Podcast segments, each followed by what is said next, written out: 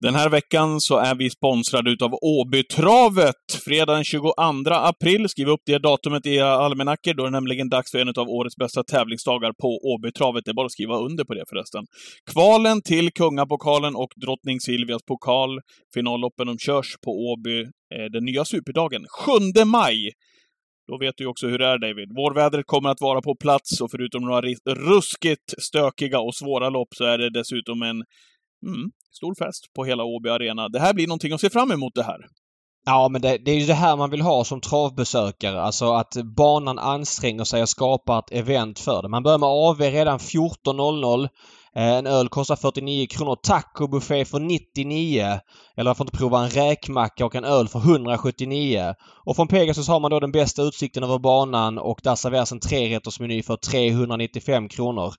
Utöver det så stänger Lyon 01.00. Oj, eh, oj, oj, oj, oj! Och man kommer surra upp V75 Halmstad som körs dagen efter under dagen. Partybandet Dabas uppträder till sent och givetvis eh, har man kanon kanonerbjudanden på Åby hotell denna dag. Mm. Kan det, bli, kan det bli bättre egentligen? Helt ärligt. Nej, jag tycker det är skitkul att man anstränger sig och jag tycker alla som bor i 03-regionen som brukar gå på trav, går på trav den här dagen, stöttar Åby och tar med sig någon som inte är travfrälst så att de får känna på hur travet är när det är som bäst. Bra sport, humana priser, lite fest och så vidare. 99 mm. av alla kommer vilja komma tillbaks, eller egentligen 100 procent, men det finns ju alltid folk som inte fattar någonting. Fredag 22 april alltså. Kval till Kungapokalen och Drottning Silvias pokal. Finalloppen 7 maj. Vi säger tack till Åbytravet svensk seger eller vad är det frågan om? What the horse, what the driver! För att bara reflektera till Åbytravet som ni hörde precis innan våran vignett här. Jag har ett fantastiskt minne, David. Kanske en av mina bästa minnen från en travbana här i Sverige också. Just ifrån uttagningsloppen på Kungapokalen och Drottning Silvias pokal. Åkte ner eh, miniflyg, tror jag. Det var ju sådana förr i tiden, arrangerade av Nilox, om jag inte missminner mig. Ja, eh, absolut. Satt bredvid eh, självaste Stig H Johansson på vägen ner. Han skulle ner och eh, hade väl hästat till start den dagen, givetvis. Eh, satt och diskuterade och Stig frågade, ja, jobbar du där nere? Nej, ska faktiskt ner och titta på Don't Tell Me What To Do som startar i, i Kungapokalskvalet. Då var det precis en sån här dag som vi, vi hoppas att vi har sig fram emot nu, när solen sken, det var vindstilla, det var fantastisk stämning på restaurangen. Då var det en, en fredag, va? Kanske. En kungapokalsfredag, så var eh, Paralympiatravet dagen efter. Ja, det var ju det under några år. Kanske det var att man så. körde försöken där på fredagen och så var finalen av Paralympiatravet dagen efter och så var kungapokalsfinalen två veckor senare. Mm, så kanske var det. var så. Hur som helst, en, en toppendag i alla fall. Och så blev det ju inte sämre av att Don't Tell Me What To Do vann sitt kval också. Det var samma år som... Eh, vet du vem vann? Uh, jag drar till med... Bradde Velöver var, var stor favorit i alla fall. Det här i Kungapokalen? Ja, det vi, Nej, vi var jag, hans favoriter. Nej, jag, jag, kan inte säga på rak arm. Fox? Bra! Helt rätt. Ja, okej. Okay. Fox! Ja, tillsammans med Åke Svanstedt vann. Äh, Skralle ja. vann. Men eh, den här lilla poängen med att Stig var med på flyget, vad hade det med storyn att göra? Ja, men det, det, var bara lite kuriosa i sammanhanget. Att sitta ja, okay. med Stig och, få, och diskutera och gå igenom startlistorna till kvällen, det, det, sådana, sådana minnen bär man ju med sig det är lite skönt så här. Jag träffade Stig på flyget ner och han hade lite hästat start. Nej, eh, faktiskt inte. Han skulle ner och lira på Toto. ja, exakt. Nej, han så... plockade fram en, en 300 i fickan. Han skulle, han skulle stötta i Toto liksom. Ja, ja. Göra kassa som man sa förr i tiden. Ja. Ska vi göra en bång ihop? Nej, det, var, det var härligt. Så var det. Eh, jaha, läget? Jo men det är jättebra. Uh, jag älskar påsken. Uh, det är min favorithögtid på året. Den slår julen, den slår midsommar, den slår uh, allt annat för okay. att eh, man har inga förväntningar, man kan ta det lugnt och det är sjukt mycket bra trav. Jag tycker det är fantastiskt. Jag gillar att inte boka upp mig på påsken. Jag gillar att vara hemma och bara gå runt i kallingar och se fram emot eh, travet. Det är vad jag gör på mm. påsken mm, faktiskt. Mm. Ja, men jag håller med dig. Vi, vi, vi, vi ska ut på ett litet äventyr tillsammans med familjen. Det är påsklov som väntar eh, veckan på. Det kommer ju du bli varse om också framöver här när, mm. när det är mm. dags för, för skolgång och sådär. Då får man passa på att hitta på någonting när det är, är lov. Så vi ska väl åka iväg en liten sväng söderut över här och titta på någon ponny och, och lite sådär. Så att en, okay. ett, ett litet Var åker ni då? Vi kommer att åka till Småland och Tingsryd eh, okay. en sväng. Och så får vi se hur länge vi blir borta. Kanske klipper någonting på vägen hem också. Vi får se. Vi har inte bestämt Mm. någonting. Och det är väl det som du säger. Det är väl skönt att inte ha kanske allting superinplanerat heller, men försöka mixa ihop ett, eh, ett familjeäventyr med, med massa bra trav. Det, det ser jag fram emot. Mm. Tingsryd borde få ha en V75-dag på sommaren. Det är Mm. väldigt lätt att säga det för då måste man plocka bort någon dag. Jag kan tänka mig att man kan plocka bort, eh, jag vet inte, någon av typ Rättvik eller Hagmyren. Men, men det där fattar jag Eh. faktiskt inte varför man inte har med tanke på 1609 Nej. milebana. De- Är det något annat som sätter stopp? Jag tänker av någon praktiska... Nej, jag, jag, vet- jag, jag vet inte. Men, men alltså det hade varit 15 000 på Tingsryd en sån dag. Eh, och i början av augusti där. Alltså det är ju, även om det är sentimenterade dagar, både Rättvik med sommartravets final och det är väl typ Hagmyren som kör veckan innan tror jag. Mm. Så är det de svagaste dagarna i liksom sommar eh, travet. För sen kommer Åby Stora Pris och sen är liksom sommaren slut travmässigt. Utan det är ju den här... Det är någon av de dagarna tycker jag man kunde kört in Tingsryd i och Mm. satsat på den dagen och haft något annorlunda. Men jag vet inte varför man inte gör det. Det är mycket man inte vet inom travet. Det. det vi vet är i alla fall att det var spelframgångar på, igen förresten, V75 Ja. Jägersro i lördags. Vad härligt när det, när det rullar på på spel och lekkontoret. Ja, du är ju stekhet alltså. Du har Ja, satt allting händer? här sista veckan. Vad Vad är det som händer? händer Patrik? Det Ja. är folk mejlar och ringer och frågar när öppnar Patrik sitt unika till V75 multijackpotten på söndag. Folk vill verkligen ha en andel där. Nej, du satte ju ditt unika system. Eh, vad spelar du för där? Eh, var det 10 lax eller vad var det Ja, för? drygt, ja, drygt någonstans Ja, där tror jag. Mm. Ja, men 10 gånger pengarna nästan då för andelsköparna. Eh, och sen så satte vi streamsystemet i streamen.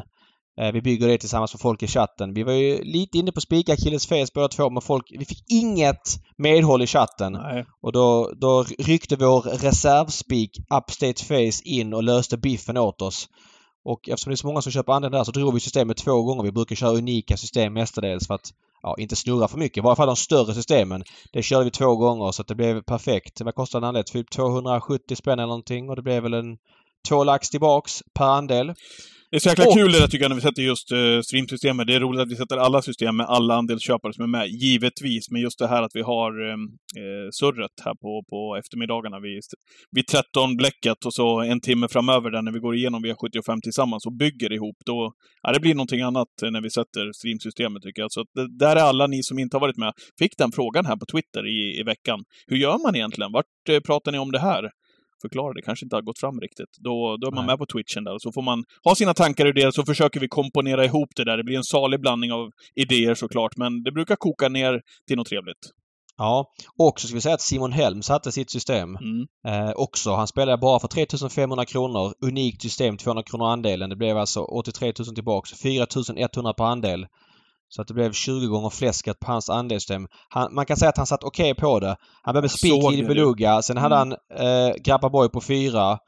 eh, Oscar Ella på fyra. Så spikade han in i Mini Mini Mo. Sen hade han väl typ sju gånger åtta gånger nio något liknande kvar eh, på V75. Men, nu fick han ju ehm, två betrodda där på slutet. Eh, Ja, men precis. det hade kunnat slagit riktigt bra där. Ja, ver- verkligen. Och det kunde varit eh, värre också med, med mer betrodda. Så att, Ja, ja, han, han var nöjd. Du, eh, du sa det att eh, det var någon som tyckte att det var underbetalt. Jag sa, var det inte sjukt överbetalt på den här raden?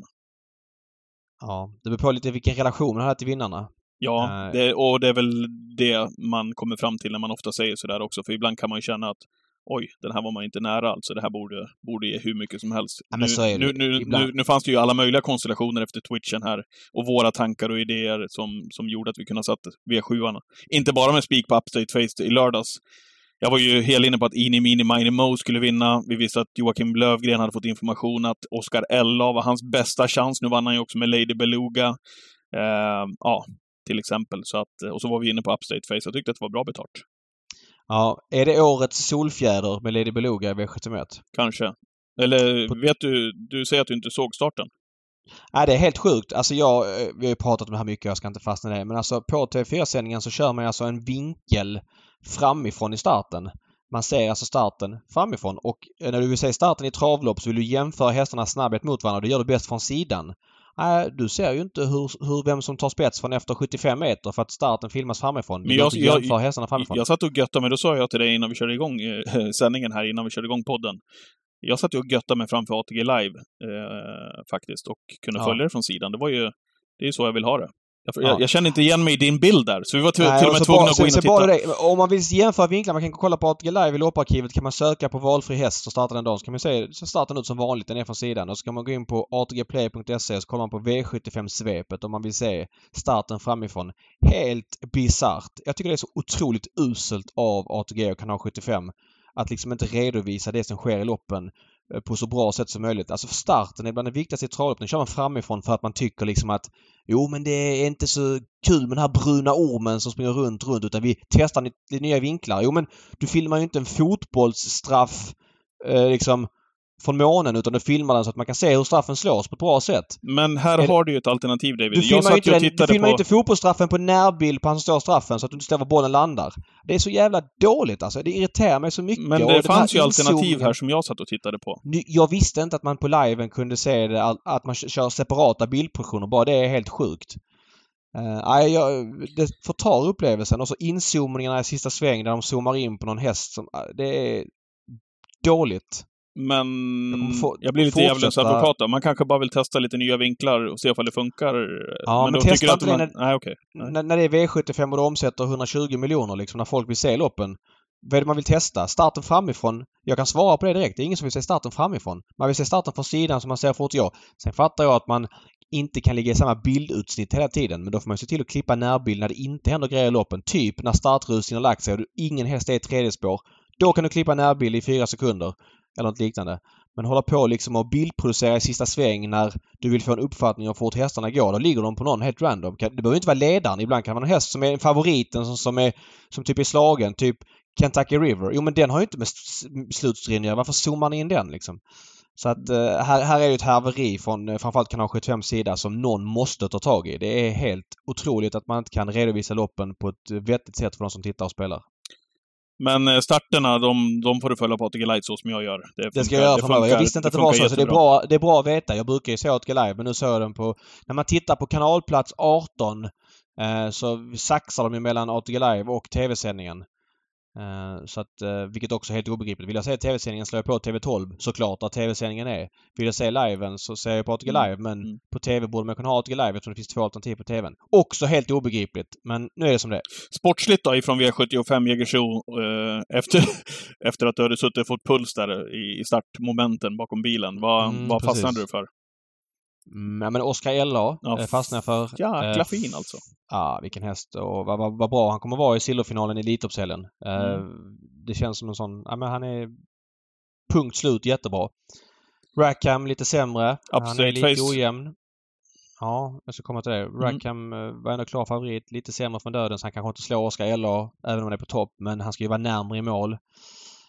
Uh, Kentucky River, där hoppar han dubbelt. Nordström sa att han fick, en, fick ta i honom lite grann. Sen sa han att han hoppade över en skugga. Han är ju lite valpig av sig, det var vi inne på lite grann ja. tidigare. Men kapacitet lite... som duger och blir över för klassen, det ja, kan men vi konstatera. Så är det ju. Mm. Så är det ju. Men måste hålla sig till rätt gångart. Ja. Ja, annars inte så mycket där i storloppet. In i, den här, det blir ju drag på den här Kung Fu Lady. Björn var ju uppåt i Björnkollen. Ja, men alltså och... var det ni stimmade på den i, i Twitchen? Ja, jag, alltså, den var 14% när jag faktiskt spikade den i Expressen i min text där. Mm. Eh, det kändes som ett öppet lopp och jag ville ta ställning och han höll ju spets och, och sådär men den var bara klen helt enkelt. Eh, första gången barfota, Björns optimism hjälpte inte. Nej. Sen eh, gick vi också på akillesfäs ska vi säga. Där gick vi bet. Vi måste ändå säga att Ini Mini Mini Mo, för det var många som ja. också sa det, ja men det måste klaffa. Nej, behövde inte klaffa. Mm. Satt bland de sista, vred på, hade fart, överlägsen fart för det där sällskapet. Mm. Punkten, slut. Eh, Achilles hoppade i ingången av första sväng. Mm. Adrian eh, sa ju, eller sagt att han, de tog bort en testikel på honom. Sen var han ju stabilare efter det. Men nu galopperar han i sista starten förra året och nu i första starten. Ja, kanske inte hela sanningen. Vi får se lite grann vart det landar. Ja. Nu var det många som galopperade lördag så att han kanske är lite mer ursäktad där. Mm. Under Armour efter galopp. Verkligen. Den eh, står bra in i klassen. Tråkigt V76, sönderstruket. Eh, den här Orkan från Haitabo fick ett perfekt lopp och var väl bäst. bara bäst får man väl säga. Ja. Uh, och uh, Upstate Face kvalar in till Paralympiatravet från dödens. Det kändes som att han var åkandes. Mm. Uh, före Pacific Face som gick till final faktiskt. Otroligt fin som... Upstate Face. Uh, stora frågetecken lämnar han ju efter sig igen får vi väl ändå säga. Uh, Verry Kronos, men framförallt kanske hur, hur han såg ut och hur, mm. hur resultatet blev också. Ja, han värmde ju sisådär får man väl säga. Men nu har han ju värmt sisådär tidigare och gått bra så det är ju inte hela sanningen. Men han visar i årsdebuten att det var ingen, inget formtoppslopp. Expressiet hoppade bakom bilen. Det var synd för det hade jag kunnat tänka mig kan bli lite joker de här större loppen. Det känns som att det finns mycket i honom och det ska bli kul att se honom på svensk bana. Nu fick vi inte riktigt kvitto på det. Nej, nej. Utöver det så var det väl inte Husse Buckus satt fast med rubbet. Utöver det var det väl inte så mycket att hänga i julgranen. Mer än då Pacific Face som gjorde bra och gick till final. Mm, Upside Face då, det blir Colginis bidrag i Elitloppet. Jag vet inte. Vi får se lite grann hur det landar. Alltså så här 12 och 6 från dödens på en blåsig bana. Det kan man inte... Men, men intrycket var ju femstjärnigt så att jag tycker att det var en, en, en prestation som gör att han Men, men verkligen nu, är nu är vi där igen. Släpp Nej men, men segertiden. vänta, det är helheten. Jag pratar om helheten. Lugn Ja. nu. Jag pratar om helheten. Tiden och hur han såg ut. Eh, och jag tycker att insatsen var en sådan att han verkligen, vilket han har gjort tidigare, men blanda in, blanda sig i, i snacket om Elitloppet. Ja. Eh, han är inte på intet sätt given i nuläget.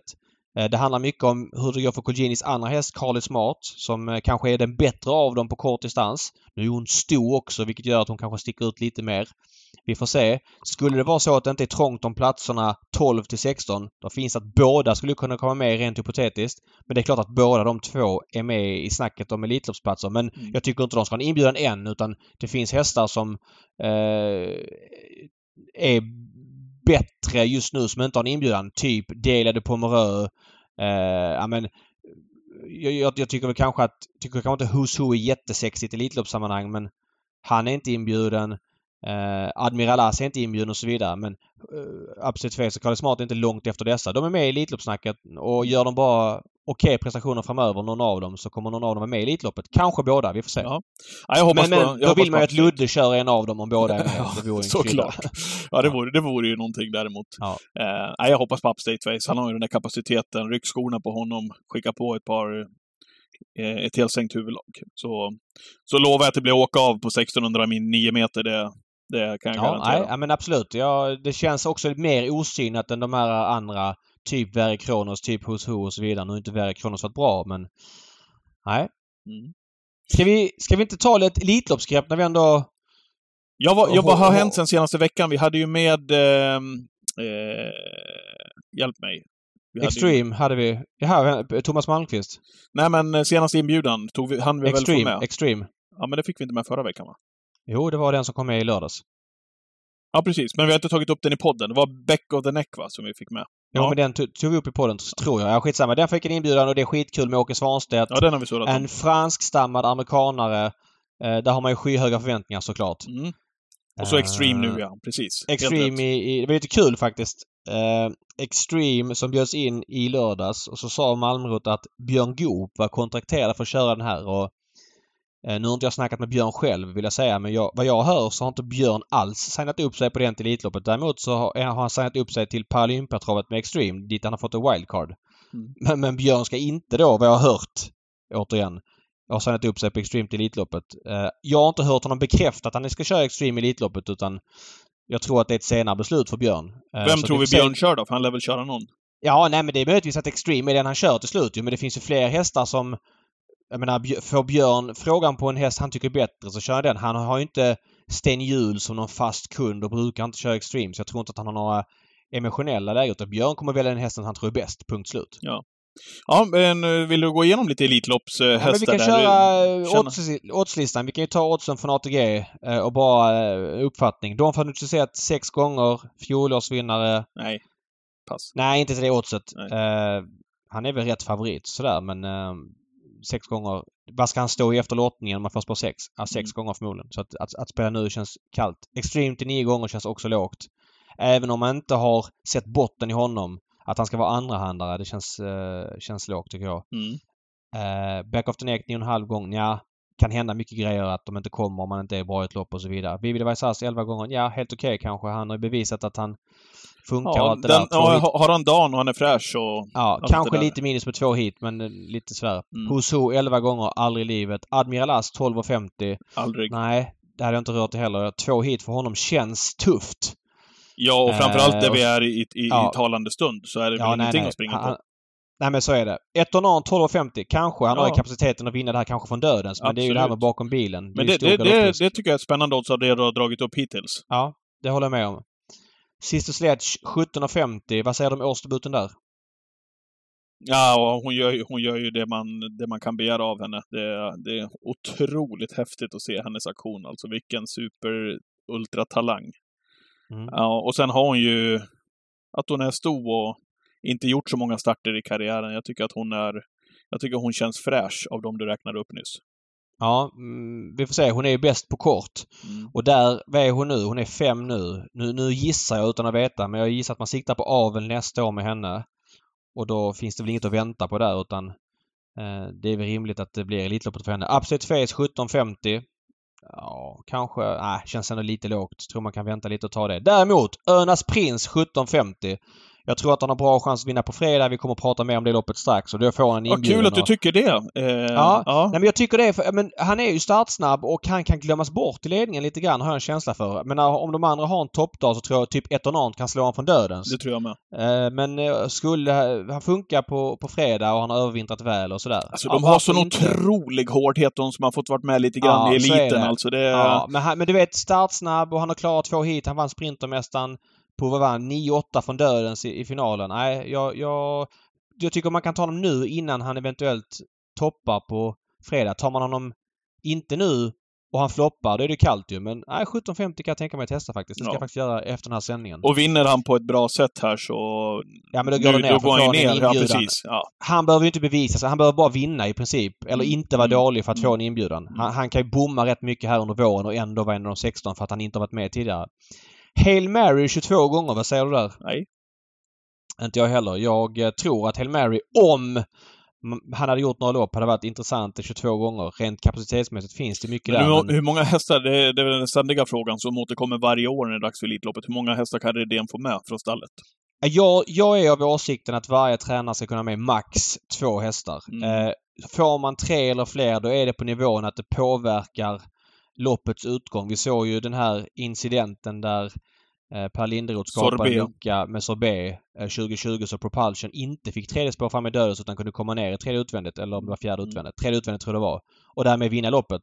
Nu är storyn efter det ett separat kapitel men det hade ju inte hänt om inte... eh, Där fick ju också Linderoth här i Travpodden förklara hur han känner Oh ja! också, så nej, nej. Och, och det är ett utagerat kapitel men det ska, jag vill inte att Gocciador ska ha tre hästar för att inte hans hästar ska kunna gynna varandra. utan Max två, tycker jag. Mm. Sen kanske man hamnar i ett läge att Redén har tre hästar som är för bra för att tacka nej. Men med Hail Mary så känner jag i varje fall att eh, jag tycker inte det är rättvist mot hästen. Jag är ingen hästexpert och, och känner sådär men eh, att en häst som inte har startat så, så länge eh, som inte kommer från en hel säsong som han gjorde förra året. Han hinner göra max två lopp innan Elitloppet. Jag tycker det är för tidigt. Eh, jag tycker att man i så fall chansar på nästa år och är det så att han inte är lika bra nästa år, ah, då får det vara Det så. känns inte heller Daniel Redenskt att gå ut Nej. liksom så här, utan Nej. han brukar ju vilja liksom verkligen ha, ja men känna sig trygg. Det är min spontana känsla av Mm. honom när det handlar om proffsigheten, liksom att de ska få verkligen, de ska få vara, de måste vara där på max för att de ska ut i Mm. Elitloppet. Det känns inte som att han, Mm. han tar några risker där faktiskt. Nej, så är det. Eh, jag, hade jag varit ägare så hade jag sagt nej tack. Nu läste vi att med Jastapana som är har gästat podden för övrigt och är ägarrepresentant eh, sa en intervju, jag tror det var Trav 365, där han sa att de har en dröm om Elitloppet och så vidare. Och det förstår jag att man har. Det har jag också och det har väl Mm. alla. Men det måste ju vara att hästen är i det läget. Och spontant om jag säger mitt utan att ha kört hästen och känna på honom så måste det komma för tidigt. Tror jag! Mm. Beats 25 gånger kan inte bedöma. Vem Go on Beats, ja det är en Frode Hamre-amerikan. Ja, jag kan inte bedöma honom. Nej, jag tycker det är svårt nej, att sätta in honom. Go on boy 30 gånger. Känns... Jag vet inte om de siktar på Elitloppet. Det Nej. hade jag ingen aning om faktiskt. Beppy B 35 gånger. Bra häst. Bra häst. Bra häst. Men jag tror att Gocciador siktar på Elitloppet. Dels då med Vivid Weiss Ass i första hand men Vernissage Griff i andra hand. Mm. Men det är klart, skulle BPB gå bra här nu han kommer vara stationerad i Sverige så kan det vara något. 35 gånger kan vara lite högt på honom faktiskt. Eh, han var ju så otroligt bra i fyrungseliten förra året. Vi Var se. inte det mot Sister Sledge? Jo, precis. 9 och Vilken 1 från dödens. Fantastisk duell. Brother Bill 35 gånger. Nej. Cockstyle 35 gånger. Nej, Nej. nej, ingenting. på, delade Ja, ja, tre- Ja, jag har spelat den till 55 gånger. Delade på Morö. Jag är helt säker på att man siktar på Elitloppet när man kommer hit. Man ska först starta Paralympiatravet. Jag tror man kan floppa där och ändå få en inbjudan. Jag känner mig confident med att hon är en av de 16 och Ja. då är 35 gånger, som det är nu, lite för högt fortfarande. Även om det inte är 55 längre. Nej. Sam Motör 35 gånger. Nej. Ja, varför inte? Om han går bra på... Jag tror inte de startar. De har ju matchat honom ganska försiktigt och han är rätt Ja. färsk. Då har du ju Gopens bidrag där i så fall. Då. Ja, i så fall. Men eh, Mm. nej, jag tror inte. Om, om Björn har muntligt sagt att han är sig tillgänglig för Extreme, då är det ett tecken på att man står över med, med samma motör. Och jag tror, som man, som man har matchat samma motör, så tror jag inte att Elitloppet är aktuellt. Eh, och sen Vernissage Griff 40 gånger. Vann ju på ett bra sätt. Ja, eller bra absolut. sätt. Han vann Jo. på 10-9 på långsam bana i Absolut. söndags. Men för hugg och slag. Kanske att 40 gånger är lite högt. Vad gick jag igång på mest av de där oddsen? Hmm, kanske ett och nan. Eh, trots Mm. allt. Kanske lite också på Upstate Face faktiskt. Eh, då Men- men då är det lite med hjärta här också. Stole the show 45 gånger. Perfetto 65 och så vidare och så vidare. Mm.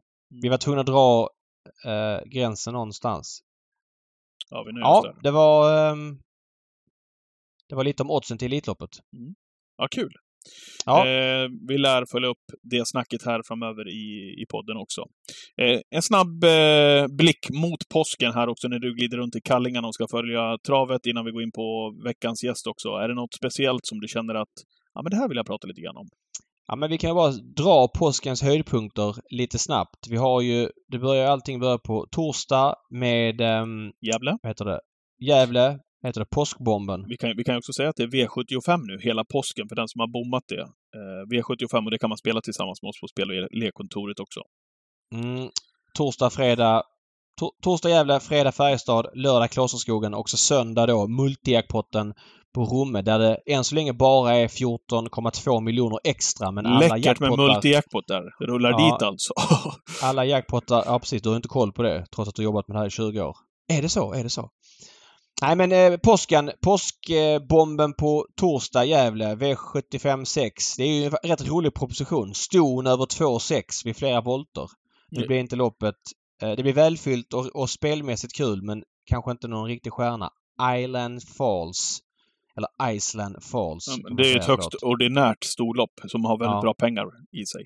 Ja men ändå jämnt och spelvänligt. Vi ska Ja. säga det, i, på samma tävlingsdag i V77 gör Hellbent for Am lite comeback från spår 8 med Jörgen Westholm i sulken faktiskt. Mm. Hellbent for Am som stod för den helt makalösa prestationen Elitloppshelgen för två år sedan. Har inte riktigt gått som räls efter det. Han har haft problem med någon skada och så vidare. Jag tror att jag såg den hästen, eller tror, det måste ha varit Hellbent for Am som var ute och gick ett jobb på Romme faktiskt här för inte så länge Ja, sedan. det är nog inte osannolikt. Nej. Att, eh, Precis.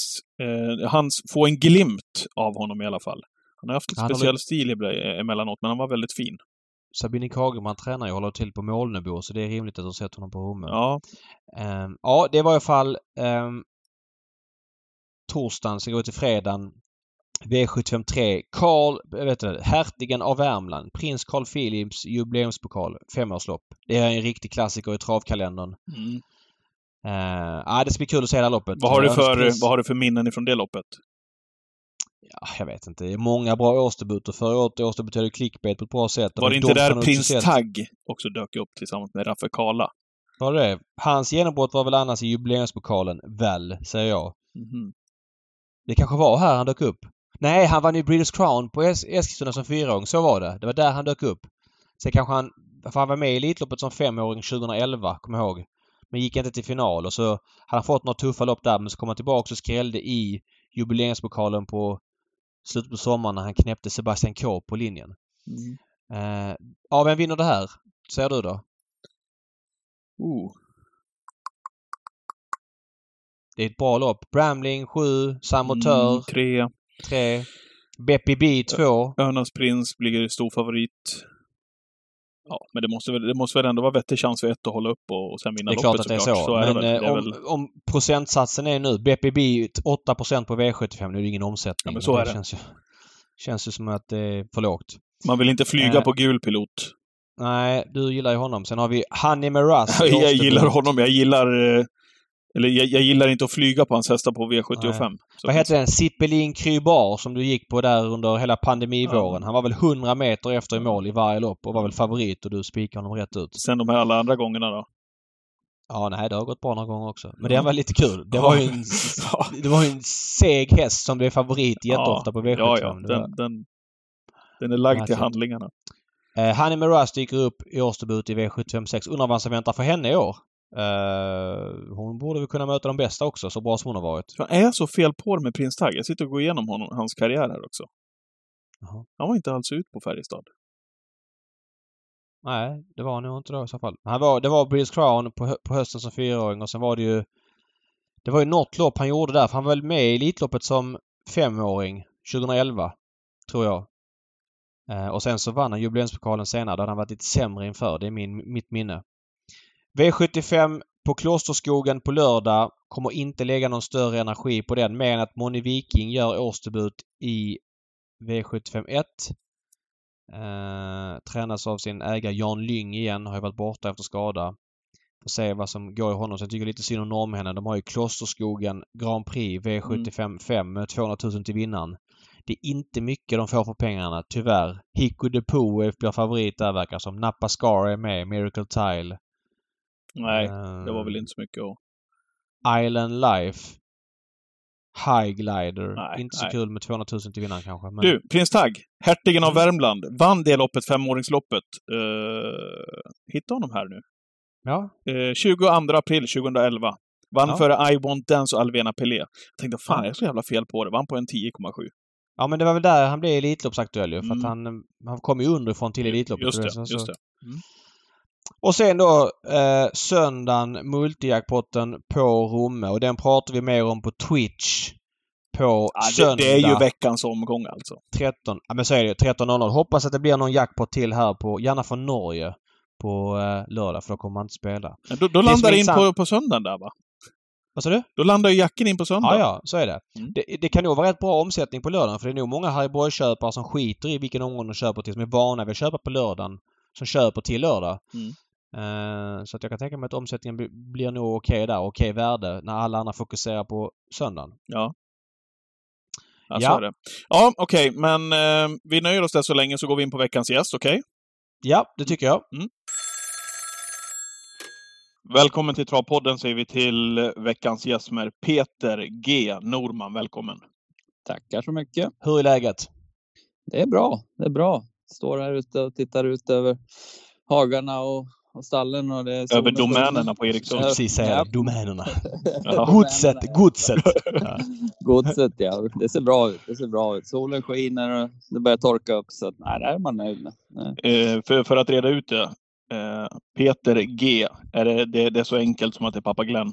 Jajamän, stämmer ja. bra. Stämmer mm. bra. Men hade du inte varit travtränare så hade du sluppit den bokstaven. För att eh, inom travet ja. gillar man att lägga till den här mellanbokstaven för att ingen med samma namn ska kunna liksom, ja, ta varandras, eh, ja, man kan, man söker på rätt person. Så att då blev det att man vill skilja det så att det finns, nu kommer fler Peter Norman helt enkelt. Exakt. Ja. För min del var det ju eh, Per Nordström och jag har ju samma förkortning och han har ju varit med i gamet längre så då slapp han ha initial och så fick jag ett G. Ja, snyggt. Du, mm. hur mår travtränaren Peter Norman för dagen? Jo, bra tycker jag. Det börjar väl smattra igång här nu lite försiktigt säsongen här. Vi har inte startat så mycket. Jag startade rätt mycket i höstas med dem och fram till jul då. och sen eh, har vi väl försökt ladda om batterierna här nu ett par tre månader och ja, kommer börja starta lite mer och mer nu med hästarna så att det, det känns uh, positivt inför säsongen. Vi kan väl reda ut det för, en, för, för alla som sitter och lyssnar på den här, på den här podden också. Eh, vart du befinner dig. Vi sa just det, Eriksund eh, och har då samma bana som bland annat Fredrik B Larsson och eh, Henrik Larsson. Yes. Ska du beskriva lite grann hur det ser ut ute hos dig där och vart, vart du håller till någonstans för de som inte vet? Ja, Eriksund ligger ju eh, två och en halv mil från Arlanda ungefär eh, mot Enköpingshållet kan man säga. Eh, ligger väl geografiskt sett bra till. Det är ju nära till Uppsala, nära till Stockholm, nära till Enköping och, och ja, en bra utgångspunkt tycker jag. Eh, när man ska åka iväg och tävla och så. Och, eh, ja, vi äger Eriksund tillsammans. där Jag och min syster äger 50 procent Eriksund och sen Henrik och Fredrik och deras syster äger de andra 50 då. Eh, sen ganska precis tre år tillbaka blir det snart. 8 maj köpte vi loss gården då från våra föräldrar och eh, deras bror. Så att eh, här ute har vi fina banor att träna på. Vi har det mesta. Rundbana och rakbana, backe, skogslänga och sandbana och ja, så att det fina, fina träningsförhållanden tycker jag. Man kan säga när man kommer fram till Eriksson så möts man av Fredrik B Larssons gård främst. Det är den man ser från vägen så att säga. Så ligger eh, Henrik lite mer uppe på berget. Och sen Ja. bakom ytterligare ett, ett berg lite längre ner så håller du till med stallet där. Men hur funkar det där när, när ni är då du, Henrik och Fredrik som har den där banan? Hur, hur delar ni upp eh, sysslorna och vem som sköter vad? Och blir det liksom aldrig något gnissel däremellan tänker jag? Nej, det, vi, vi lajar väldigt bra tillsammans allihopa och eh, vi har ju Henrik och Fredriks pappa Björn sladdar banorna och min pappa sladdar också banorna, Glenn då. Eh, eh, så att vi, vi har bra fördelat där att de, de sköter det på eftermiddagarna och på morgnarna under, under fortkörningarna då. Och sen, vad skönt. eh, Farsgubbarna sköter banan alltså? Farsgubbarna sköter banorna. Ja, det är bra. Det, det är strålande och det, det funkar bra. Och sen eh, när det drar igång med vattning och sånt där så delar vi på det, jag och Henrik och Fredrik, då, den, den sysslan. Och eh, sen eh, ja, hjälps vi åt allmänt med banorna också om det är så att eh, någon av gubbarna inte är på plats. Då. Så då hjälps vi åt. Så det, det, det flyter på bra tycker jag. Det är inga, det är inga stora grejer eh, utan det, det flyter på bra hela tiden. Mm. Eller Eh, stora grejer, det är mycket jobb med det men, men det, är, det, är aldrig, det, det klickar aldrig liksom. Eh, Jag tänkte på en sak. Eftersom ni fick köpa loss gården för, för tre år sedan. Har ni gjort någonting eh, med den sen ni köpte den som ni inte kunde göra tidigare? Typ anpassat träningsmöjligheterna efter hur ni vill ha det? Eh, nej, det, det var väl ganska så uppdelat innan ändå. Eh, att banorna och det var ju det var eh, träningsbiten som eh, det kunde vi göra. Eh, där har vi kunnat gjort vad vi har velat hela tiden. Men nu, nu håller vi faktiskt på att ska börja bygga en ny sandbana här alldeles snart och eh, det hade väl kanske varit svårare innan då, men i och med att vi då var det avelsverksamhet här på Eriksunda som morbror Bengt höll på med och eh, den sandbanan kommer gå i den en av Fölmärshagarna då, som, eh, ja, som inte används längre då, i och med att vi inte har någon avelsverksamhet här längre. Då. Okej. Ja, okej. Så att, när, när står den klar då?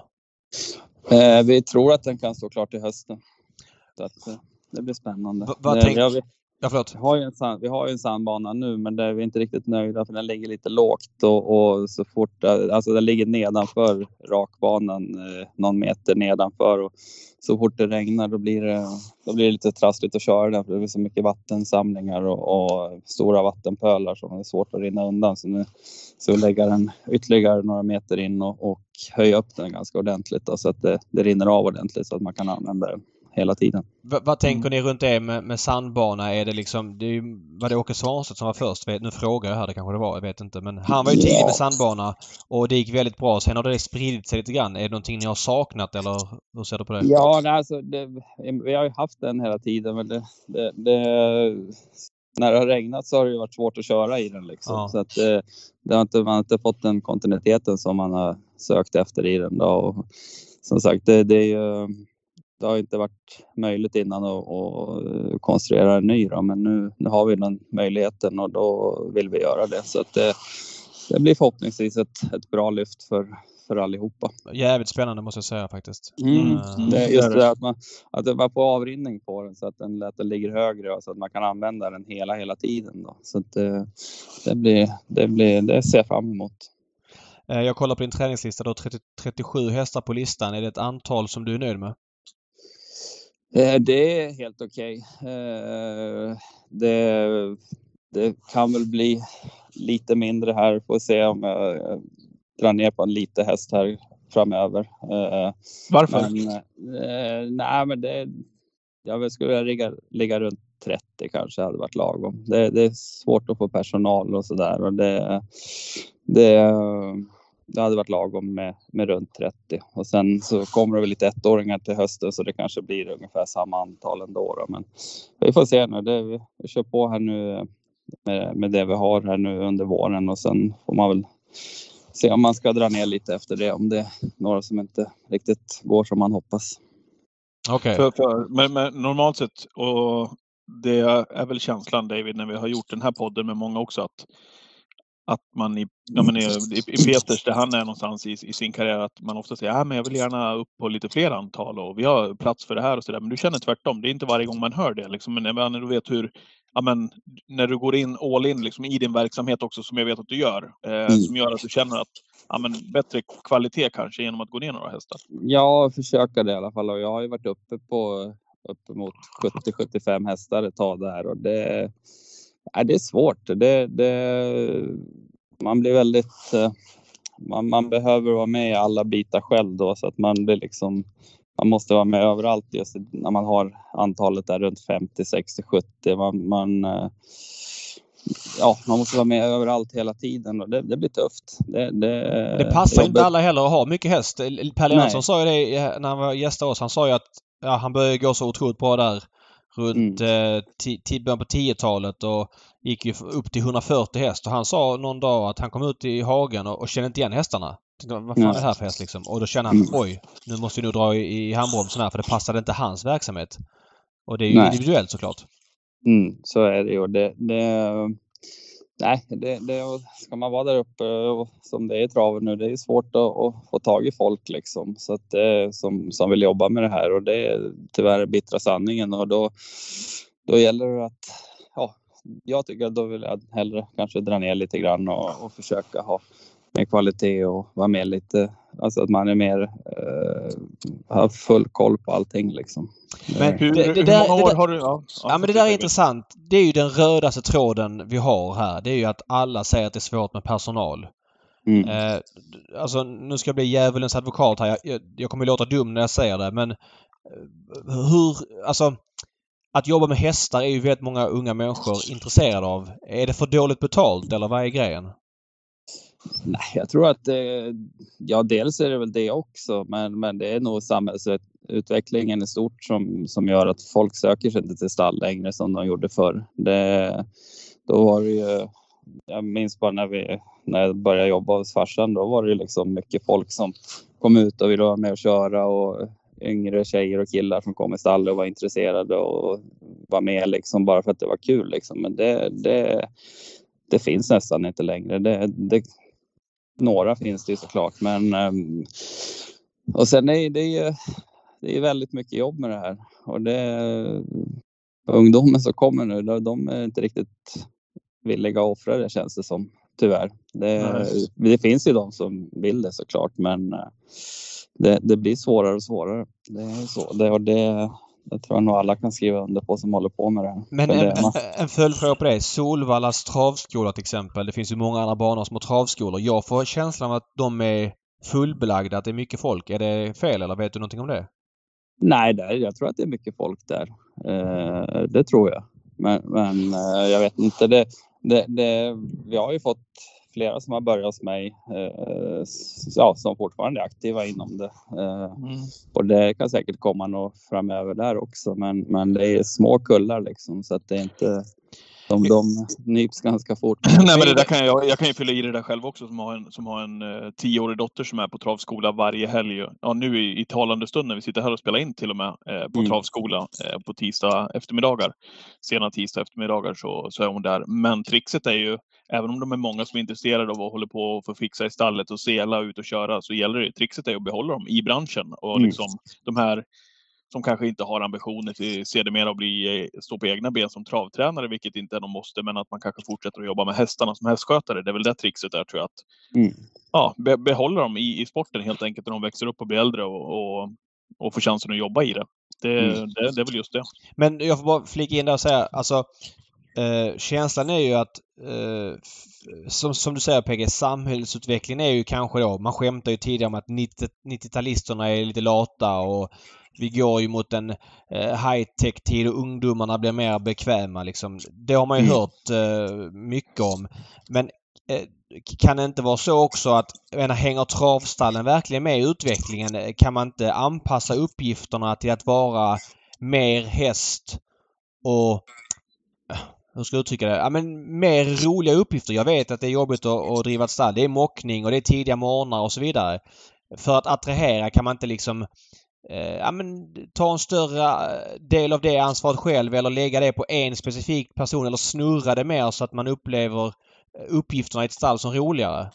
Jo, det gör det. Det, det går ju att, att få in eh, folk som bara eh, tar in hästar från hagen och skottar skit och, och gör det jobbet och sen eh, fördela upp det. det. det. gör det säkert, men, men det, allting har ju en ekonomisk aspekt också liksom. Så att det, man, man kan inte ha hur mycket folk som helst som springer och gör olika sysslor heller liksom. Då måste man hitta någon, ja, kanske pensionär eller någon, någon släkting eller någonting som, som kan vara med och göra de sysslorna. För det, det måste göras. Ja. Ja, ja, ja. Det, och det, det, det är tufft ekonomiskt också i den här branschen att få det att, att gå runt för, för många. Så är det. Ja. Du, eh, hur många år har du kört på egna ben nu efter att du har jobbat hos, eh, hos Glenn, hos pappa Glenn under, under uppväxten här? Hur många år har det blivit nu? Jag tror att det är åtta år nu som jag har varit ja, tränare. Jo, det här var, jo, i februari var det åtta år precis. Det mm. stämmer det. Hur, hur har det steget varit att liksom att tagit över? För det gjorde du väl, även om du också har jobbat väldigt mycket med att få in eh, nya hästägare, vilket jag vet att du har lyckats väldigt bra med också. Men hur har det varit, skulle du vilja säga, att liksom ta över det här? Har det varit så som du trodde om du summerar de här åtta åren eller vad känner du? Ja, men det har ju varit, det har varit roligt och det, ja, både roligt och, och tråkiga stunder också såklart. Men eh, det, överlag har det väl varit eh, som, ungefär som jag trodde. Mm, eh, det har varit, det har varit åtta intressanta år helt klart. Det har varit toppar och det har varit dalar och det, ja, det har varit det ena och det andra liksom. Så att det, det ja, det har, varit, det har varit jäkligt roligt. Men vad är toppen då? Jag gissar att det är segern i Svensk Travbox. Ja, det, det, det, är klart. Det är ju det är den största segern som man har tagit. Så det, det, det är klart att det men det, det börjar bli länge sedan nu så det börjar bli dags att fylla på med en ny sån seger. Jag, jag tänkte säga det, den måste ha kommit ganska snabbt den väl? Ja, det var första året som tränare. Så det, det, var inte svårare än så tänkte men, du? Men hade du inte en rätt bra start? Känslan var ju att när du tog över själv, det kändes som att det var då en föryngring i ert stall och du var rätt flitig på många av landets auktioner och du hade väldigt fina mm. hästar ett par år i rad. Mm. Ja, eh, det, var ju, det, det var... Ja, fram, första fem åren tyckte jag det gick väldigt bra liksom. Men sen 2020 eller 2019 började det bli liksom lite generationsskifte och det vart inte samma eh, kvalitet på hästarna längre tyckte jag. Det, det fanns några bra dugliga men, men eh, det var inte alls det där som, som jag hade första fem åren. Då var det mycket på V75 och mycket segrar och, och bra med inkört. Då. Men sen eh, vart det generationsskifte 2019 ungefär och, och sen 2020 fick jag en jättesmäll i stallet när ingenting funkar på hela året för de var bara sjuka och det var liksom, det var bara skit hela året. Och, ah, vi jobbar väl fortfarande och hämtar oss från det och försöker bygga sakta men säkert uppåt igen. Och det, det känns som att eh, vi är på väg tillbaka i alla fall. Så är det. det sen det är ju konkurrensen under de sista fem åren har ju blivit ännu, ännu hårdare liksom. Så att det, det har inte varit... Ja, upplever du det så? Ja, det, det tycker jag. Det, det, mm. det, har blivit väldigt, väldigt hårt och det, det, det, vart väl inte, det var inte varit något bra läge och ja, fick en svacka där liksom och, och det tar tid att bygga upp det igen. Det gör det. Att, men, eh... men, kan du sätta fingret på konkurrensen? Eh, varför är den... För jag håller med dig och framförallt bland kuskarna tycker jag det blivit hårdare. Alltså de här kuskarna som... Ja men...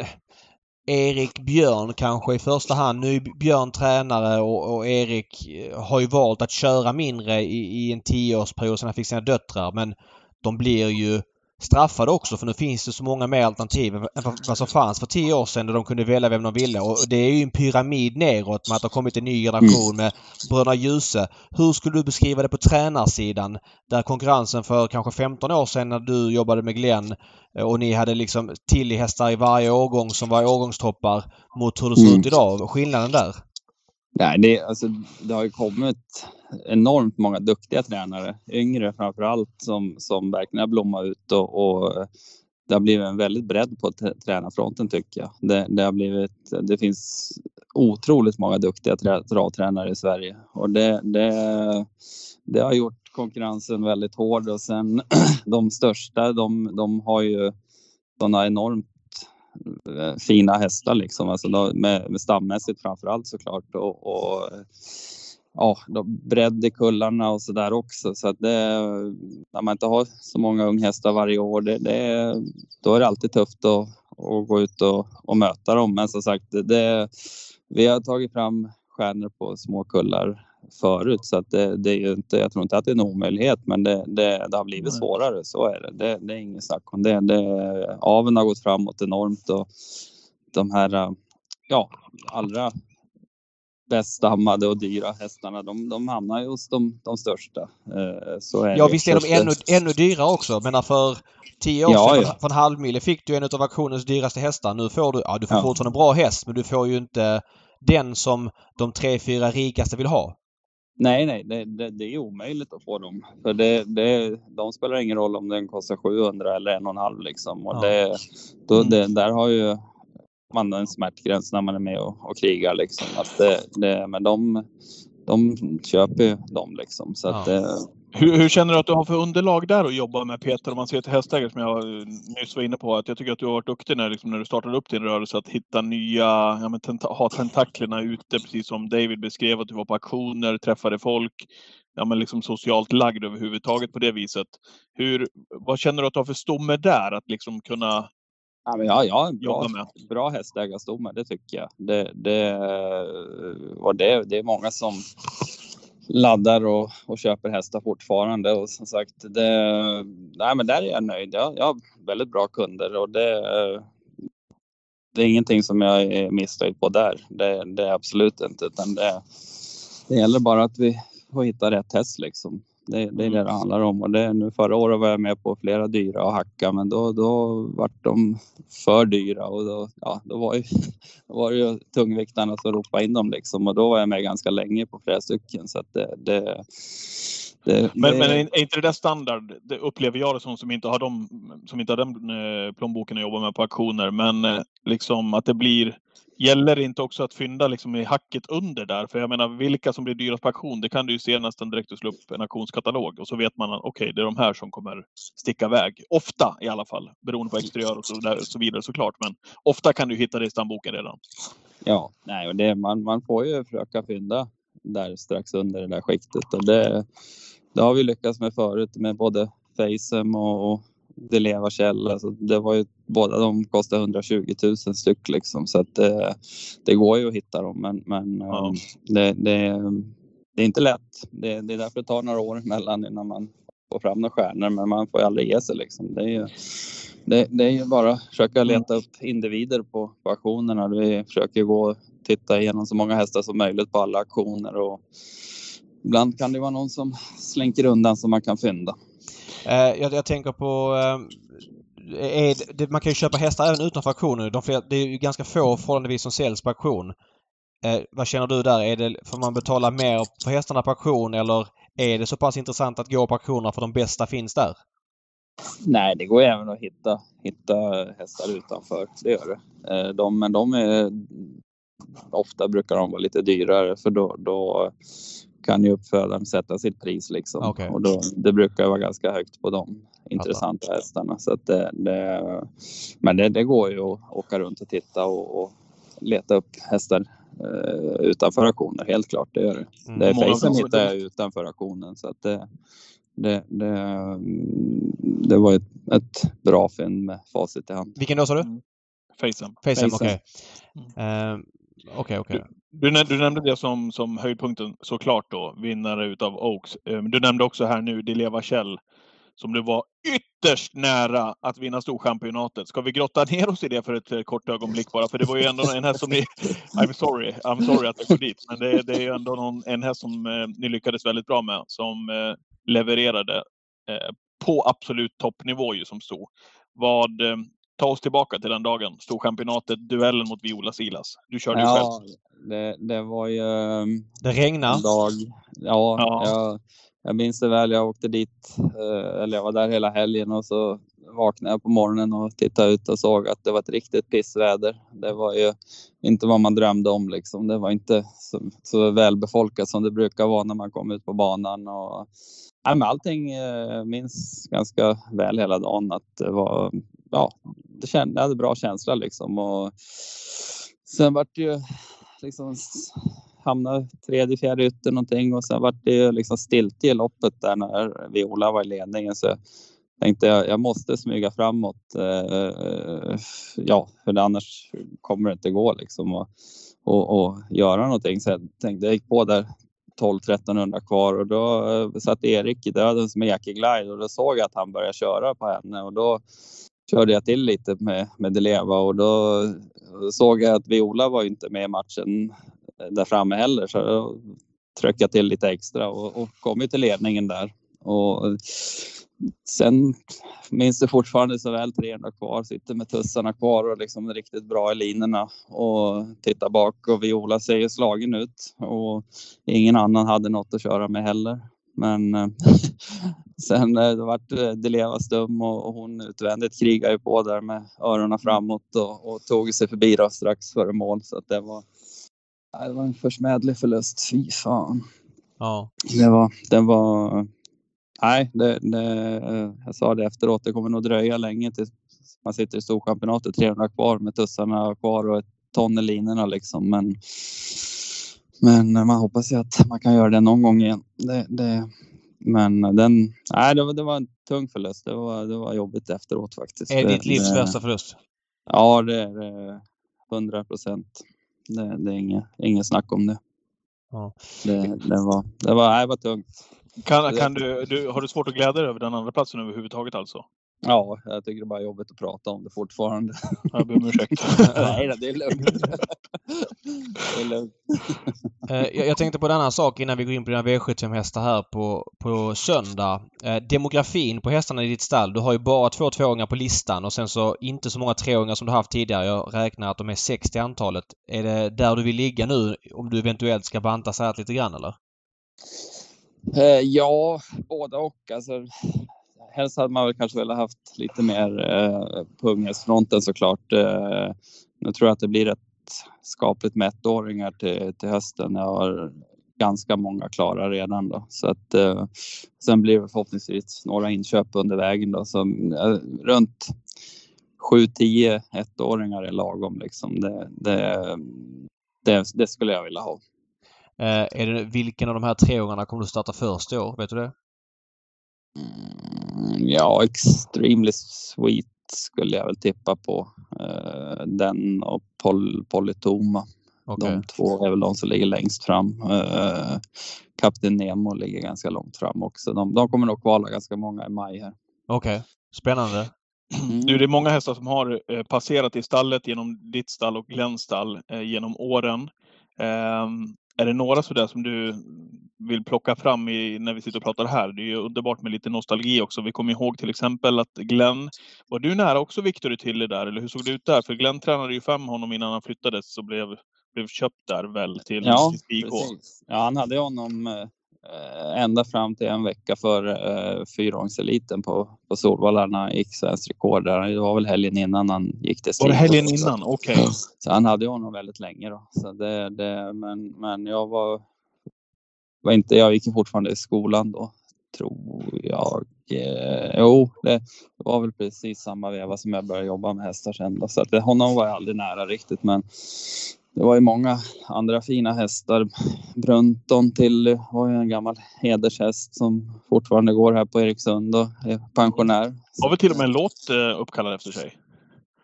Ja. vi får inte spela upp den låten här. Golden Tilly kommer jag ihåg mycket väl. Det var en Go eh, fin häst.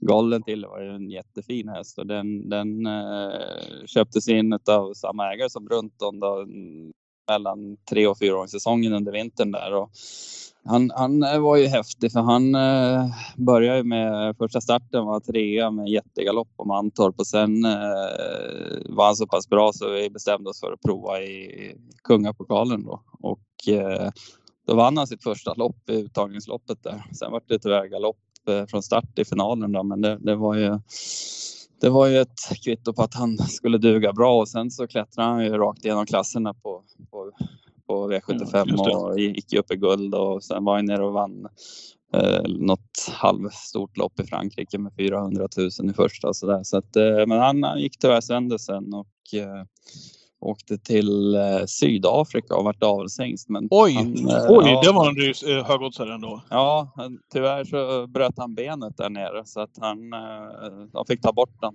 Åh fan. Vad tråkigt. Sydafrika är ju inte en travnation vi ofta liksom snackar om. Nej, Jag, vet, Nej. jag tror aldrig jag har gjort det. Vi har ju pratat om Argentina och tangohästen Chocano Ahuna från eh, Elitloppet 2005. Men Sydafrika har vi nog aldrig varit och tangerat i. Nej. Nej, det, det, jag vet inte, de skulle väl säkert göra någon satsning där med, med honom och det, med den stammen så var väl han högintressant där. Eh, Så, så eh, ja, men, men det vart ett tråkigt slut på den sagan. Ja. Eh, Men jag vet inte vad som hände, men jag vet att han bröt benet i alla fall och att de fick ta bort den. Ja, nej, men jäkligt många fina hästar har ni plockat fram genom åren. Det kan vi, det kan vi vara Ja, överens om. Global Mind, Stunning Holly. Jag har gjort en lista här. Global Mind, Stunning Holly, Inside Broline, Sturt Hilly, Yield Hilly, eh, Sweet Desire, eh, Sloppy Joe till exempel. Ja, det- det var en-. Han fick Eh. ut, det känns som att han fick ut eh, 30% av vad han kunde. Alltså det var ju skador hela tiden. Ja, det, det, det var nog inte ens 30. Nej. Det var, Nej. det, men det, det, var faktiskt en, en av de roligaste segrar jag tagit också. Det var när jag vann V75 på Bollnäs med honom. Det var, det var en riktigt rolig seger faktiskt. Det, han slog, spurtade ju ner den här, vad hette hon då? Eh, Richter. Hon hade någon MT-häst där. eh, Ja, ja, MT Will. Ja, precis. Som Jakobsson körde då som eh, vi spurtade förbi på upploppet. Och jag hade, tror jag hade bakspår om det var 1600 och hade spår 11 eller någonting. Men jag bred på en fjärde i sista sväng och ja, jäklar vad man gick den dagen alltså. Det var, ja, det var en, det är en seger som jag kommer glömma, jag aldrig kommer glömma för det var, det var, det var riktigt läcker med, med tanke på alla problem han hade haft och störningen i E3-finalen där eh, mot Aldente i sista sväng när, när eh, Origo till det bröt ut framför och Ja, gick just det. tillbaka sen så, så det vart. Han, var han låg ju som andra häst i tredje spår och Origo bröt ut och han bara skulle sticka emellan där och, och Origo kom ner igen och då hoppade han då tack vare det. Så Oh, att det, fan vad surt. det var ju sämst andra platsen som rök alltså för då, det, då var han bra den dagen. Surt. vi, vi kan ju vända på steken och prata om kommande segrar kanske och kommande hästar eh, från ert stall. Och en som jag tror vi kommer få följa en del på V75 imorgon, eller för- på V75 framöver, som startar på söndag, är Brasco Brodde. Som visuellt är fantastiskt fin. Eh, och han har Ja. börjat sin karriär lovande också. Han blir Ja, just nu är han favorit i V755. Vi får se hur det blir, men han är det i nuläget. Vad känner du för hans uppgift på söndag? Eh, bra spår. Lopp Ja. i kroppen. Eh, startsnabb och, och lite spännande ändringar här då, med tänkt barfota och jänkarvagn. Då. Så att eh, han eh, jag är spänd på. Jag tror att han, jag är spänd på honom den här gången. För jag tror att han kommer ha gått framåt mycket med, med det förra loppet i kroppen. Han är rätt så stor och lite klumpig i, i kroppen så att eh, det känns som att han har gått framåt mycket med loppet i alla fall. Är Stefan Hultman med på hästen fortfarande? Nej, han var ju med på den från början då. Han, eh, när han, han var ju hos mig här under en längre period och eh, Eh, då ja, tog han ner honom hit, eller tog upp honom. Johan Untersteiner hade honom då, då, så fick jag honom med träning och eh, eh, ja, men han, han sålde sina 20 procent till honom då. Och eh, ja, men det, det har varit en brokig väg för den här. Han, han kvalade som treåring och, eh, och drog på sig gaffe, en gaffelbandsskada efter det. Så han fick vänta länge med debuten då till, till fyraåringssäsongen då. Och eh, ja, men jag tyckte han gjorde det bra som förra året. Han gjorde många fina lopp och eh, sen nu i årsdebuten här då, så gjorde han ett bra lopp också. Han var lite väl pigg i ledningen men det, jag tyckte ändå att det var klart godkänt. Eh, han hoppar ju en gång bakom bilen eh, på Romme där när Jean-Claude Pass körde honom. Sen hoppar han i ingången till första svängen när du körde honom på Lindesberg i augusti. Upplever du att han har en svag punkt bakom bilen eller var det bara ja, Nej, det är nog ti- tillfälligheter. Ja. Det, det är orutin och tillfälligheter. Det, han har varit stabil i övrigt liksom. Han, han är lite, har varit lite klafsig. Han slår sig lite på knäna och, och, och ja, har liksom inte, inte varit färdig liksom. Men eh, det känns som att han har mognat över, över vintern här och växt i kroppen lite grann. Varför kör du inte själv? Nej, Erik har kört nu två gånger och det, det har funkat bra. Så att han får, han får, han får en chans till. Ja. Vad har du för förväntningar på loppet här nu på, på söndag då? Framspår? Eh, jag, jag inbillar mig att kort distans hade varit bättre eftersom han är lite rusig av sig. Har jag rätt där eller vad säger du om det? Ja, alltså, ja både och. Han, han, sist så var han lite rusig, det, det, men det har han inte varit förut. Utan det, han, han var nog lite övertaggad sist när han inte hade startat på ett tag. Det, det, tror jag att det var därför han var så pigg förra gången. Då. Eh, sen, sen, ja, han, han, han är ju lite, alltså ser lite, han är så stor i gången så att det ser väl ut som att han rusar på lite grann. Men han, han, normalt sett brukar han vara fin i hand när man kör honom med ledningen. Så att, äh, det, det, är tufft nu. Det är V75. Det ska vara tufft. Eh, många bra hästar emot, men åh, jag, jag optimist i alla fall. Jag tycker att spåret varit bra och uh, han känns väldigt bra i, i, i träningen efter förra loppet. Hur går han huvudlagsmässigt?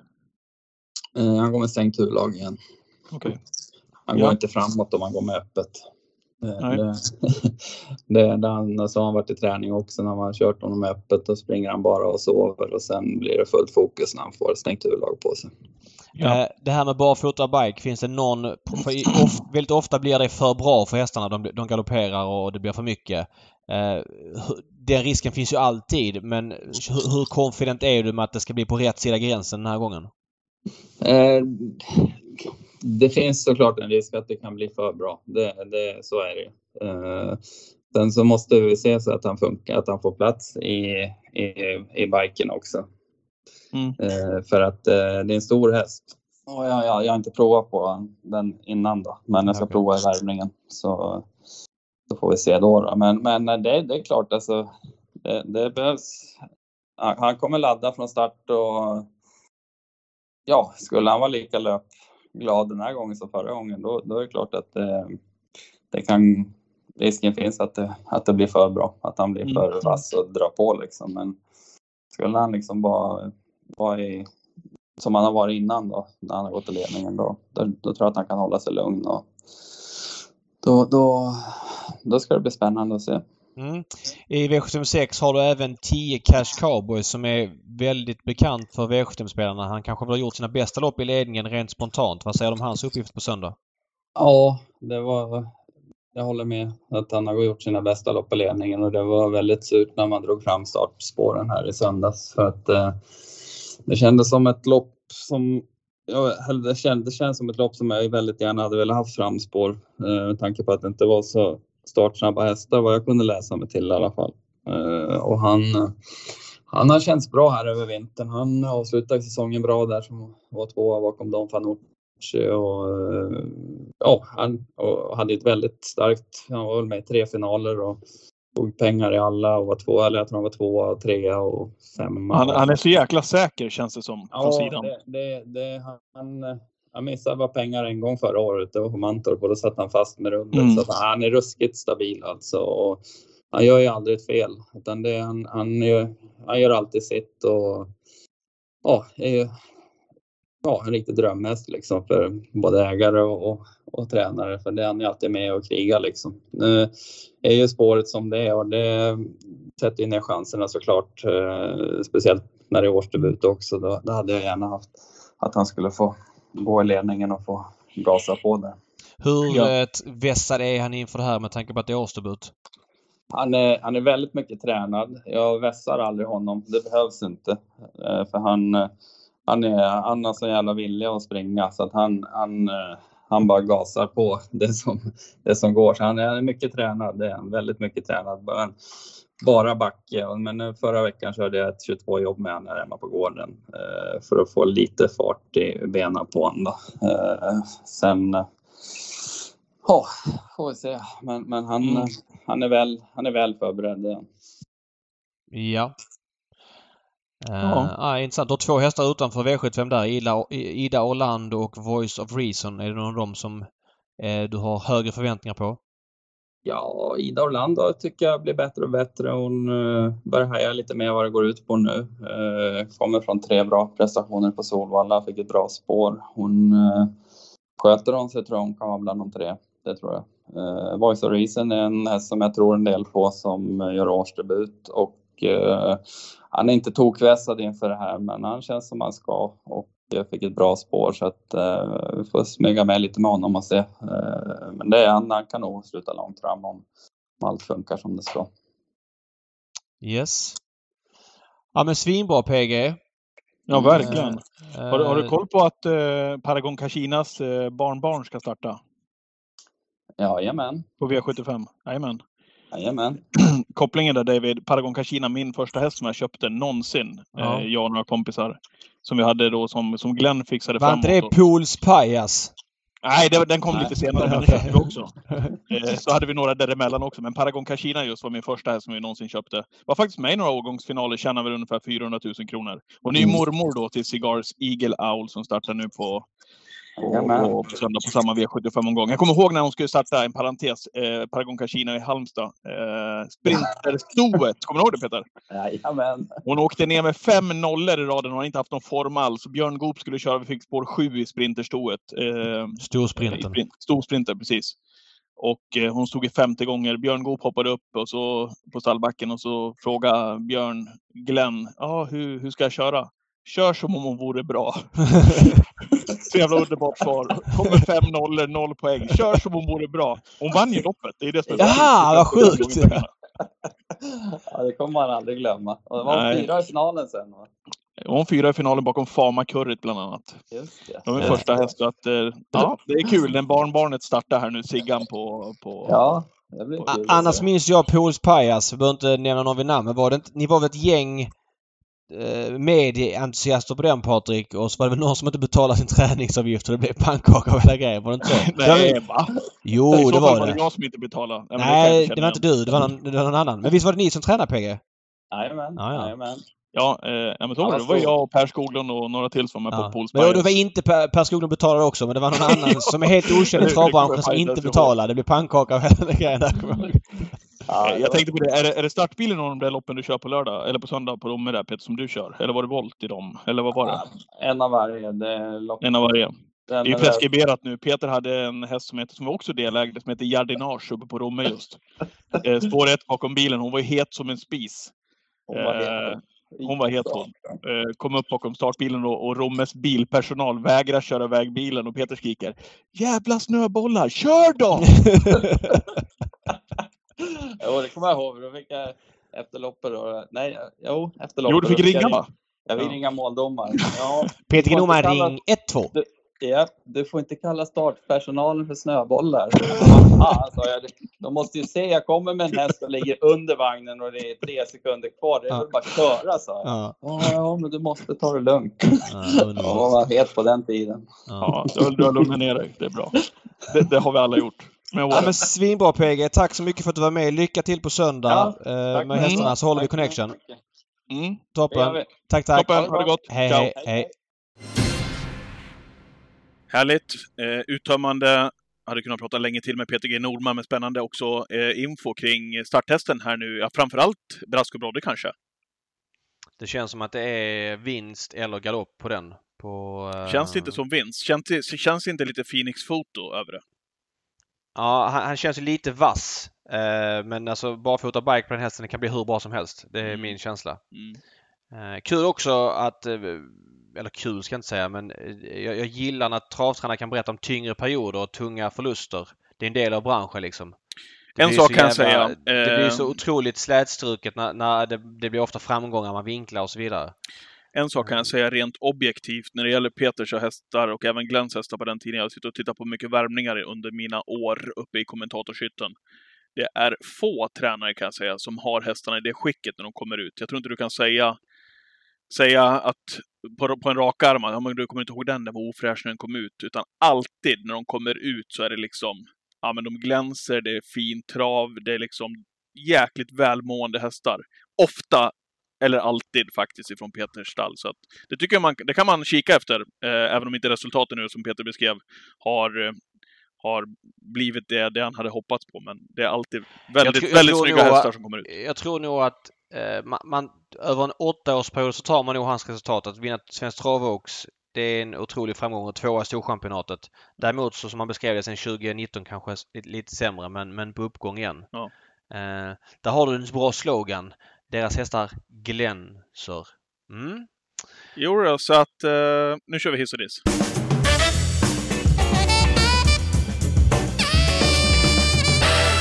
Ja, då är vi framme vid momentet hiss och diss den här veckan och då ska jag äntligen få köra momentet som jag känner mig lite trygg med, nämligen hissen. Det känns mycket bättre tycker jag när vi avslutar den här podden. Och att du får dissa, det ligger mer i din natur David. Varsågod! Mm. Eh, jag börjar med att dissa och eh, du är en del av dissen faktiskt. Va? Eh, jag sappade lite trav här i fredags. Nej, men på riktigt, vad är det nu då? Ja, så var Romme saxbana. Romme kör ju väldigt mycket trav överlag. Det tycker jag är kul för Romme är en bana som ligger kul geografiskt och det är en rolig mix Mm. med, med hästar. Och så, det är en söndag i april. Det är en saxbana och sporten är sådär. Romme, Nej, nej. alltid på en fredag känns det som. Ja, Romme kör alltså eh, Solvallas Elitloppsmusik Ja, på den här dagen. Jag trodde De du skulle komma liksom till att- något loppreferat här som var uselt. Nej, de känner liksom att okej, men eh, vi minsann, vi eh, kan inte låta Solvalla ha den på Elitloppsserien utan vi ska in och sno den och köra den på våra tävlingsdagar. Där måste du snacka med folket på Romme. Va, vad sysslar ni med? Men alltså, ligger du sömnlös över det? Det är klart jag inte gör det, men jag kan tycka det är dåligt ändå. Ska inte... Det är ungefär som att okej, superettan behöver tända till. Vi kör Champions League-hymnen inför varje match. Är det samma sak? Ja, det är exakt samma sak. Man associerar viss musik med en viss känsla och så vidare. Den veckorna inför Elitloppet då börjar man köra den låten lite grann. Bongo Song som Per Skoglund för övrigt införde som en minut i startmusik. Den har ju satt sig som en självklar höjdpunkt till Elitloppshelgen. Eh, Ja, är det, det, det, det är bongosång du tänker på? Ja, den kör Romme på sina liksom saxdagar. Kan inte, bara ha, kan, kan inte Romme hitta en egen låt att köra som inte associeras med den bästa helgen på hela året med Mm. mm. travsport Sverige? Vet Kör du- vad som helst, något eget bara. Vet du vad vi har för line-up-musik i Tegera Arena när Leksands IF spelar SHL-matcher? Nej. Bongosång. Ja. Ja. Det är en annan sak för att det är lite stämning i hallen. Men saxbana på fredag är inte den eh, låten. Den görs inte som bäst. Jag hoppas slippa höra den på V75 söndag också. Jag, jag, jag tar med det- mig den till, till, eh, till de som sköter musiken, så får vi se om, Ja. om, eh, om, jag, om jag har någon framgång i, i dina önskemål. Ja, byt låt bara. Ha något annat. Hitta på något eget. Ha en egen nisch på musiken som man förknippar med Romme. Det är väl trevligare sätt att kopiera någon annan, Ja, men jag. så här då. Tisdag eftermiddag nu när vi spelar in podden, snart kväll. Mm. Kan du inte komma med ett förslag då? Jo, Du har, du, du har, du har en, eh, nästan en vecka på dig fram till söndag Ja, här. jag lovar. Jag lovar. Och så ska vi se om vi kan spela upp den musiken och så får vi återkomma med det i, i Du Twitchen. ska få tre förslag med dig på söndag. Ja. Ge mig hissen nu. Eh, jo, det var ju så här, det var ju uppbullat för Joakim Lövgren på hemmaplan i, i lördags. Han, han var med, tror jag, överallt när man följde då V75-uppsnacket. Han var med, hade uttalat sig i tidningar, i TV, i poddar, eh, ja, you name it. Han var med överallt. Eh, och så har då naturligtvis förväntningar på och förhoppningar på den här helgen.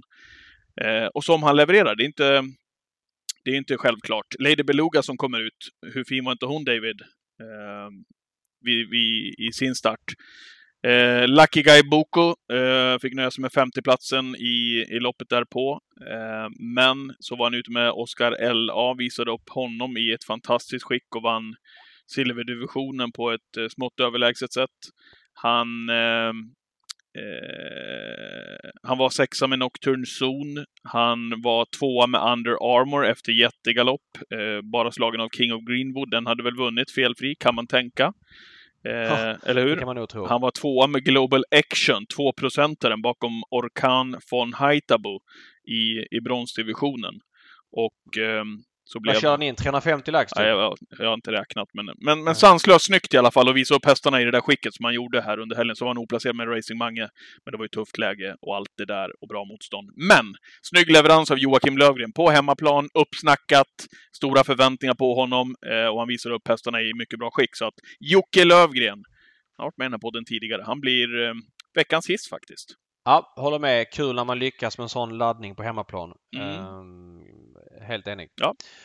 Ja men svinbra! Tack för Twitchen, den här veckan Twitchen är på Patrik! söndag ska vi säga nu va? Ja, söndag 13.00. Det blir alltså inget på lördag för det är Klosterskogen och det är en omgång man kanske följer lite mindre intensivt. Eller vi gör det i alla fall. Vi fokar på söndagen och så eventuella jackpots i veckan går till söndag. Men vi kommer ha systemen öppna både på torsdag och fredag. Mm, så är det. Och söndag. Vi tackar återigen Åbytravet för sponsringen av den här podden. Vi tackar för att ni har lyssnat och vi hörs på söndag, om inte annat, i podden nästa vecka. Okej, hej! Hej! Vill du höra Brunton Tilly-sången? Brunton Tilly, världens bästa häst. Brunton Tilly, Brunton, Brunton Tilly.